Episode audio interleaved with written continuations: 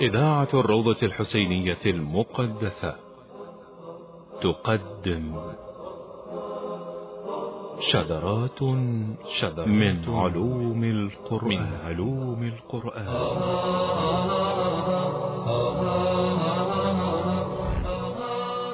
شذرات من علوم القرآن. إعداد وتقديم السيد مرتضى جمال الدين. شذرات من علوم القرآن. مونتاج نورس الكربلائي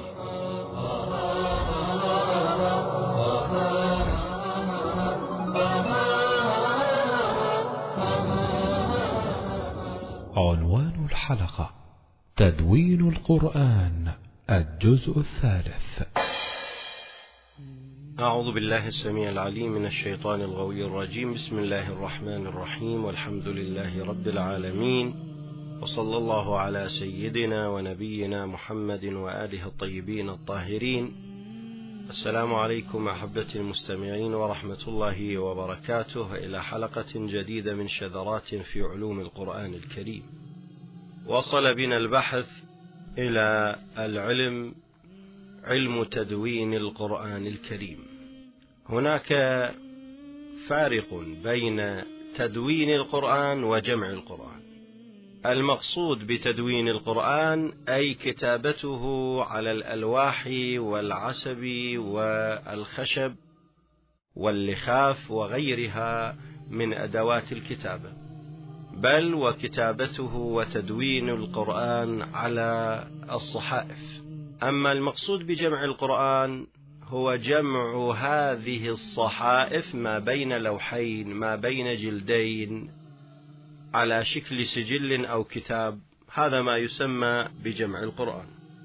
وهذه المسألة تختص تاريخ القرآن الكريم. كيف كان يكتب النبي القرآن؟ وهل اتخذ له كتابا للوحي؟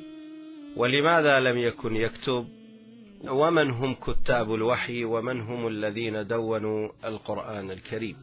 بالواقع كانت الأمة العربية آنذاك أمة جاهلة لا تعرف القراءة والكتابة. ولهذا النبي صلى الله عليه وآله وسلم ما إن استقر في المدينة المنورة وما إن حصلت غزوة بدر الكبرى حتى حصل على أسارة هؤلاء الأسارى بعضهم كان يعرف القراءة والكتابة فاستفاد منهم وقال كل واحد يعلم عشر من صبية المدينة القراءة والكتابة يكون حرا طليقا. فاستفاد النبي الأعظم صلى الله عليه وآله من هذه الحالة ويعد النبي الأكرم الأعظم صلوات الله عليه من أول الناس الذين تصدوا إلى محو الأمية إذا صح التعبير. ممهدا في ذلك إلى قراءة القرآن وكتابته لأن معجزة النبي الأكرم معجزة فكرية معجزة قرآنية تحتاج إلى قراءة إلى كتابة تحتاج إلى نظر إلى تفكير إلى تدبر ومفتاح هذا الشيء هو القراءة والكتاب لو كان القرآن يؤثر حتى في القوم الجاهلين ما احتاج النبي إلى معاجز من نوع معاجز الأنبياء السابقين كالمعاجز الحسية. فطلبوا منه شق القمر فشقه لهم وطلبوا منه أن يشق الشجرة فشقت الشجرة لهم وتسبيح الحصى بين يديه. كل هذه معاجز حسية. لأن مو كل ناس تتوجه إلى المعجزة الفكرية وإلى المعجزة النظرية. فلذلك مهد النبي الأعظم صلى الله عليه وآله وسلم محو الأمية تمهيدا لكتابة القرآن وتدوينه. وقد نجح هذا نجاحا كبيرا. ويقول البلاذري في فتوح البلدان أنه ذكر أسماء أعداد مخصوصة وقليلة ممن كان يقرأ ويكتب في مكة حيث ورد في مكة الذين يعرفون القراءة والكتابة سبعة عشر رجلا فحسب. وعلى رأسهم كان أمير المؤمنين علي بن أبي طالب عليه السلام. ونظرا لهذه القلة قام الرسول الأكرم تمهيدا لفهم القرآن وقراءته أن يتعلم الناس القراءة والكتابة فكان فدية كل أسير من أسرى بدر أن يعلم عشرة صبية من من الأنصار القراءة والكتابة. ولكن ما هي أدوات الكتابة؟ ما هي الأقلام التي كتبوا بها؟ وما هي الصحائف التي كتبوا فيها؟ تنقل الروايات أن المسلمين استخدموا الأقلام من الخشب والمداد استخدم من سخام القدور. هاي الصخام الموجود الأسود في القدور استفادوا منه كحبر ل آه، ومداد لكتابتهم بهذا القلم. وأما ما يكتب عليه فهو العسب والألواح واللخاف وعظام الكتف والجلد والرقاع. أما العسب فهو عسب النخيل. هذا العذق يسمونه عسب النخيل. اللخاف هي حجارة بيضاء رقاق. نعم. والألواح يعني ألواح الخشب كالسبورة اللي اليوم آه، تكون ماثلة أمامكم. وألواح خشب مسطح وأكثر الظن أن هذه الأدوات هي أدوات الكتابة المؤقتة. حيث إنهم يبادرون إلى نسخ القرآن عليها حال نزول القرآن أو حال أخذ القرآن من رسول الله صلى الله عليه وآله وسلم. وكانت في المسجد اسطوانة ينسخ المسلمون القرآن من المصاحف التي عند الاسطوانة أو من الصحائف التي عند الاسطوانة وما يكتب على اللوح قابل للمسح مما يدل على أن القرآن في هكذا مدونات كانت مدونات وقتية. وأما ما يكتب بشكل دائمي فهناك صحائف وقراطيس ينقلون فيها ما يكتبون في مسوداتهم. وإلا لا يمكن جمع القرآن في مكان واحد مع هذا الكم الهائل من الآيات والسور بل كانوا ينسخونها في الصحف الجديدة التي تسمى قرطاس وكان العرب يعرفون صناعتها لأنهم بتماس مع اليهود كما دون اليهود توراتهم في قراطيس. اذا هناك كتابة مؤقتة وهناك كتابة دائمية. ولهذا كانت لدى بعض الصحابة صحائف القرآن وبمجموعها تكون لديهم المصحف.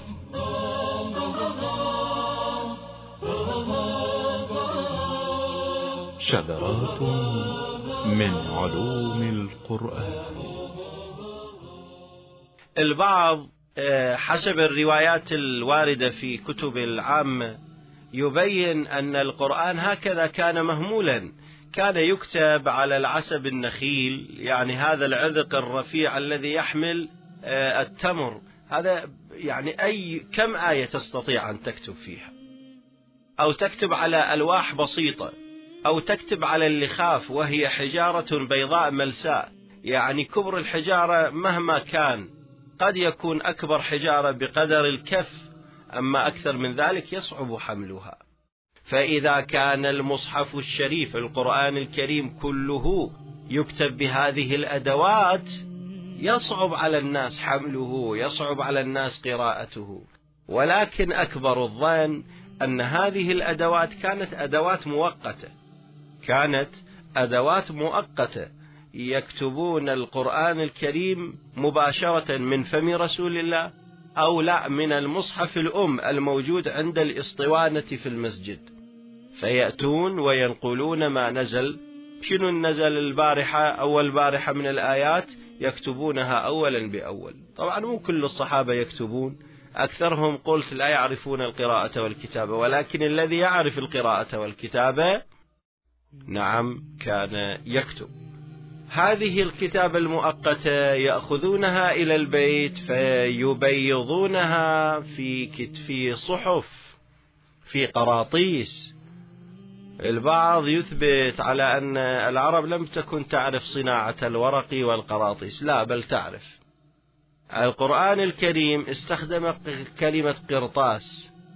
تبدون بعضها وتخفون بعض. اليهود كانوا يكتبون توراتهم في قرطاس. إذا هذه الصنعة بدأ بها أهل الكتاب وهي صنعة قابلة للشراء والصناعة والتعلم فكانت الكتابة فيها أمرا سهلا. ولهذا اشتهر عن بعض الصحابة أنهم دونوا القرآن الكريم. مثلا يفتخر ابن مسعود أنه أخذ من فم رسول الله سبعين سورة. يفتخر أبي بن كعب أنه كان يقرأ القرآن وجاءته نعم جاءه لقب سيد القراء سيد قراء المدينة أبي بن كعب. فهؤلاء اشتهروا بأنهم كتابا للوحي وأنهم قارئون للقرآن وأنهم حملة القرآن وأنهم مفسرون القرآن الكريم. وعلى رأسهم أمير المؤمنين عليه السلام. الآن لماذا النبي صلى الله عليه وآله لم يكتب القرآن بيده؟ فهو أولى بذلك. وهل كان النبي لا يقرأ ولا يكتب؟ أمي. وما معنى الأمي؟ بالواقع ذكرنا هذا مرارا وتكرارا وأؤكد عليه لأنها مسألة مهمة. إنما سمي النبي الأمي البعض يحلل أن يقول كما يعبر العامة أنه أمي يعني لا يقرأ ولا يكتب. ومن المعجزة أن بعث الله رجلا أميا لا يقرأ ولا يكتب. بعثه بكتاب عظيم وبقرآن كريم عظيم. وببركة الوحي صار يقرأ ويكتب. الواقع عدم القراءة والكتابة صفة نقص. فكيف أن يتصف بها النبي المعصوم اللي هو أفضل الأنبياء والمرسلين؟ يقال عن نبي الله إدريس كم الفارق بين نبينا الأكرم وإدريس؟ ما شاء الله من القرون. كان إدريس يعرف القراءة والكتابة وإنما سمي إدريس بإدريس لأنه كان كثير دراسة الكتب السماوية. أبونا آدم عليه السلام يذكر السيد ابن طاووس في كتابه سعد السعود أنه نزلت عليه صحائف فيها ألف ألف لسان لا يعرف كل لسان لسان الآخر. ألف ألف لسان يعني مليون لسان مليون لغة. ونبينا الأكرم أعظم وأشرف وأكمل من الأنبياء السابقين فكيف لا يعرف هذه الصنعة البسيطة القراءة والكتابة؟ الإمام الجواد عليه السلام يحل هذا اللغز وهذه الإشكالية. لما سألوه ما معنى النبي الأمي قال لهم ماذا يقول الناس؟ قالوا يقولون إنه لا يقرأ ولا يكتب. قال كذبوا أعداء الله. إن جدي رسول الله صلى الله عليه وآله يقرأ ويكتب باثنين وسبعين لغة. قال له للعدل لماذا يسمى بالنبي الأمي؟ قال لأنه من أم القرى ومكة من أمهات القرى. ألم تسمع قوله تعالى لينذر أم القرى ومن حولها؟ ومن ألقاب النبي النبي الأمي التهابي المكي القرشي المدني. مثل ما نقول فلان كربلائي وفلان نجفي. هذا المعنى. فقال لهم الإمام الجواد هو الذي بعث في الأميين رسولا منهم يتلو عليهم آياته ويزكيهم ويعلمهم الكتاب والحكمة وإن كانوا من قبل لفي ضلال مبين. أفيعلمهم ما يجهل؟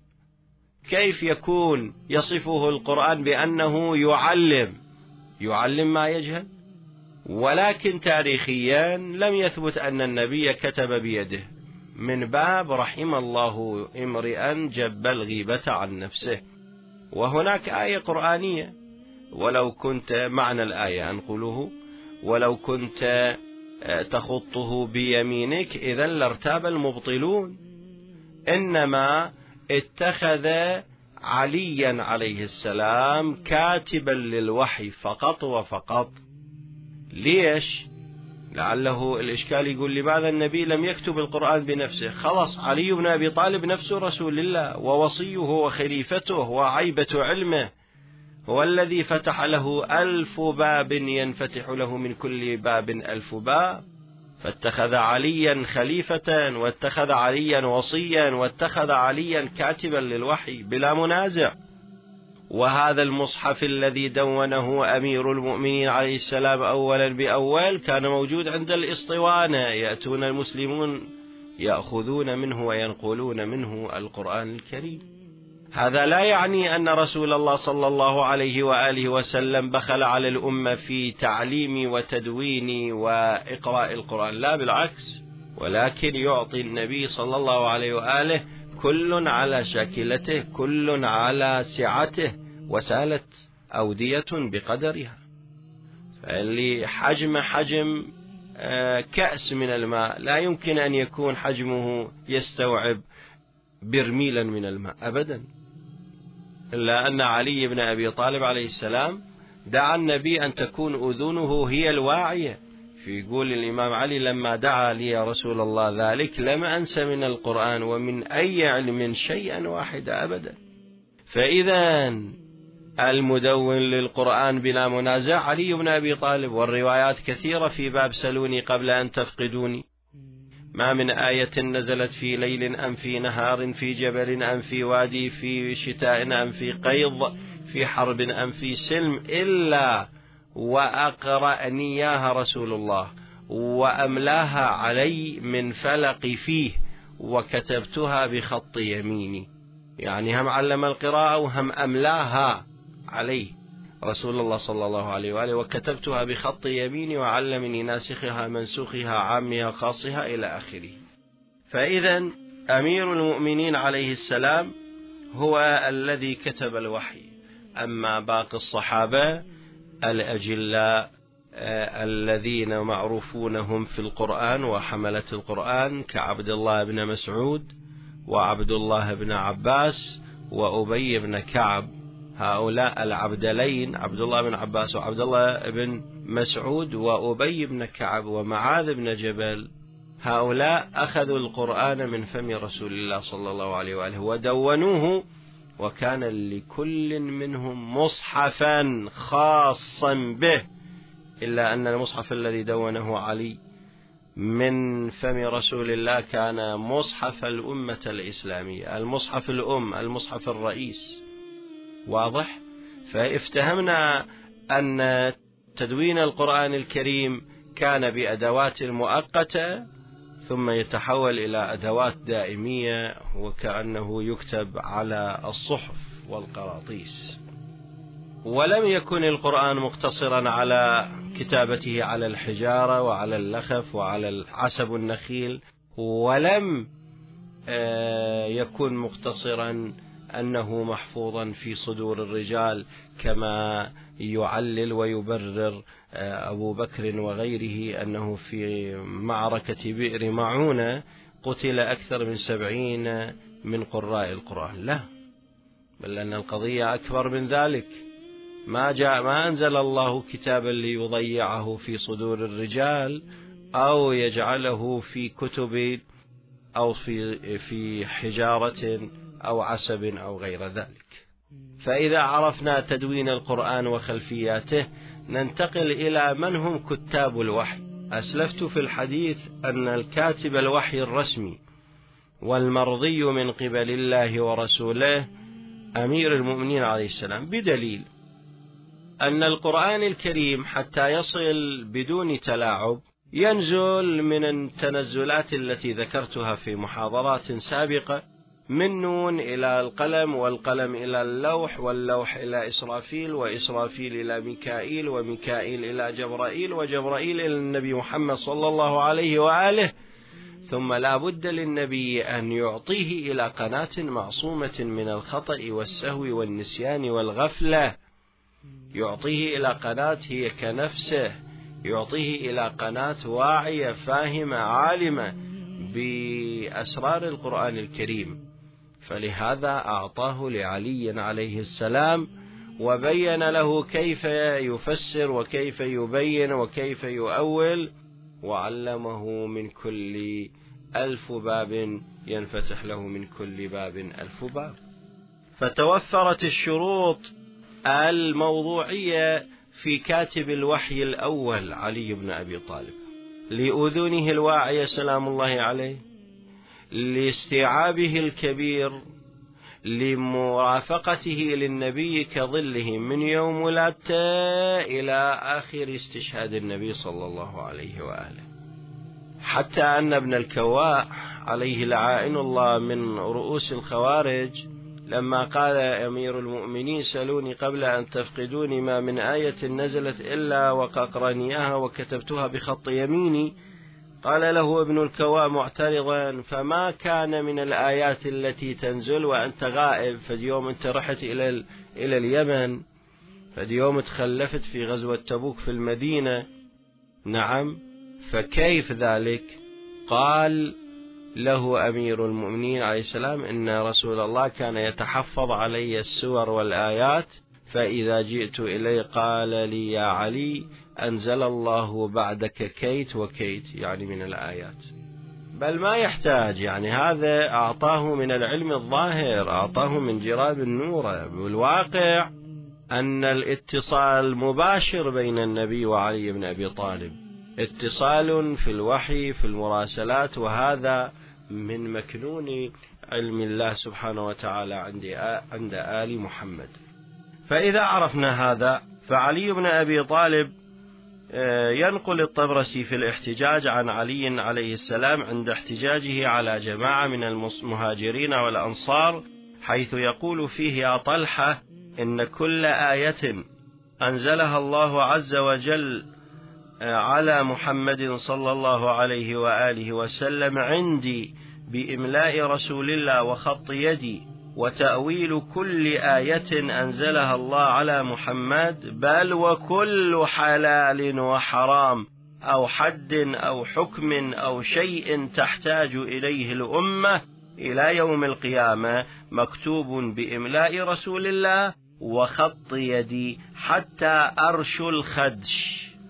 الأرش هو الضريبة أو هو الضمان الذي يعطيه المتسبب في حادثته فهذا الخدش البسيط في الجلد نعم في جلد الإنسان خدش بسيط هذا عليه هدية يقول فيه حتى هذا ادش الخدش البسيط حتى هذا هم موجود في الصحف التي دونتها.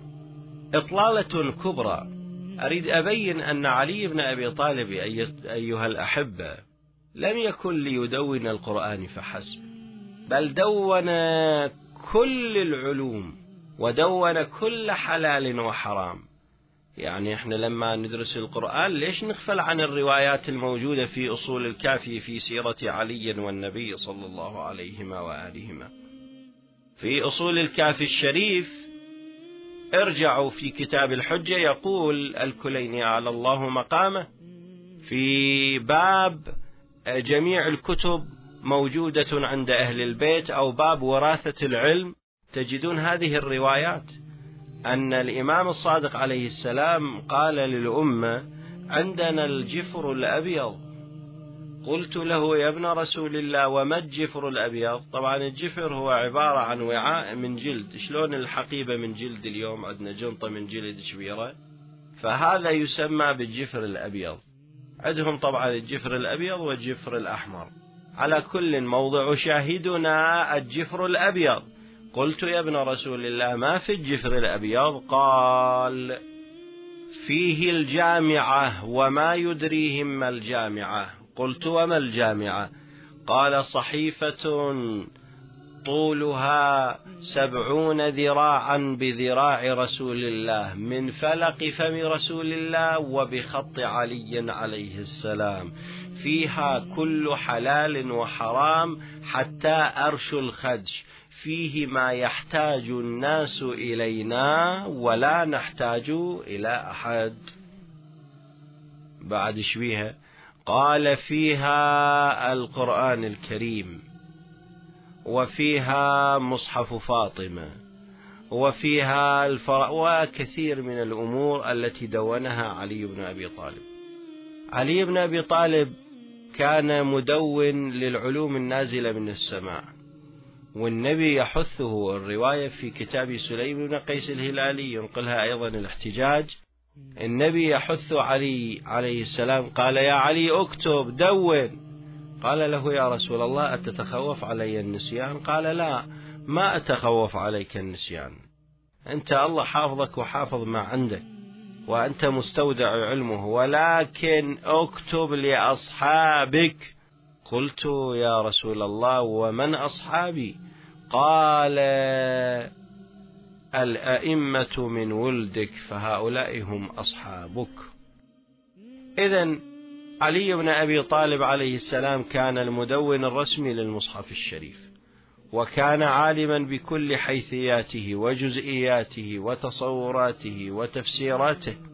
وهذا لا يمنع أن الصحابة أخذوا من رسول الله القرآن ولكن أخذوه لأنفسهم فحاسب.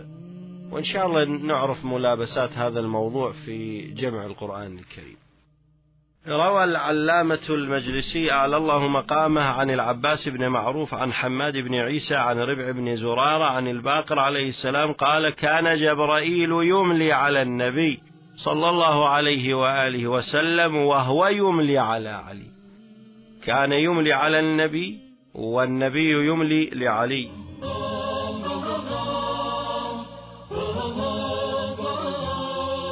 شذرات من علوم القرآن. إذا الكاتب الآخر المشهور وهو أبي بن كعب. قال العلامة السيد مهدي بحر العلوم في رجاله أبي بن كعب أبو المنذر سيد القراء وكاتب الوحي عقبي يعني من أهل بيعة العقبة بدري فقيه قارئ أول من كتب للنبي من الأنصار. وأورد الكلين حديثا في مدحه من خلال الإمام الصادق عليه السلام حيث قال الإمام الصادق إنا نحن نقرأ على قراءة أبي. الكاتب الآخر عبد الله بن مسعود من الصحابة القراء أسلم قديما في مكة وصار معلما في المدينة وكان ممن يكتب الوحي وقيل إنه أول من جاهر في قراءة القرآن في مكة المكرمة حتى ضربوه وقتلوه. نعم وسحقوه وداسوا في بطنه. هذه حالة في مكة وله حالة أخرى في المدينة لما استعز بمصحفه وأراد عثمان أن يأخذ مصحفه عنوة وغصبا. أبى عبد الله بن مسعود وكان قارئا لأهل الكوفة فاستدعي تحت الإقامة الجبرية ودخل في يوم جمعة وعثمان كان على المنبر فلما دخل قال دونكم الدويبة السوداء وإذا به يأمر غلمانه بأن يأخذوا المصحف عنوة من عبد الله بن مسعود وطرحوه أرضا ووطأوا بطنه وكسروا له ضلعا من أضلاعه. ممن كتب القرآن أيضا عبد الله بن عباس لكنه أخذه من أبي وأخذه من علي بن أبي طالب. قيل من كتاب الوحي زيد بن ثابت لكن هذا كان حسن السيرة لكن بعد وفاة رسول الله ساءت سريرته. يقول ابن شهر آشوب في المناقب كان مع أبي ابن كعب يكتبان الوحي وقال اليعقوب إنه من جملة من كتب الوحي والرسائل والعهود عندما قدم النبي للمدينة وكان عمره آنذاك أحد عشر سنة وأسلم فأمره النبي أن يتعلم خط اليهود. وقيل إنه بالأصل هو يهودي وذمه الإمام الصادق عليه السلام بقوله أشهد على زيد بن ثابت أنه حكم بالفرائض حكم الجاهلية. إن شاء الله نكمل باقي البحث في الحلقة القادمة. والسلام عليكم ورحمة الله وبركاته.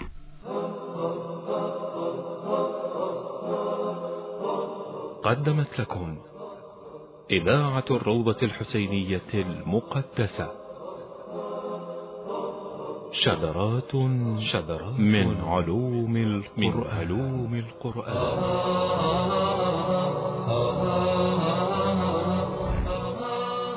شذرات من علوم القرآن. إعداد وتقديم السيد مرتضى جمال الدين. شذرات من علوم القرآن. مونتاج نورة الكربلائي.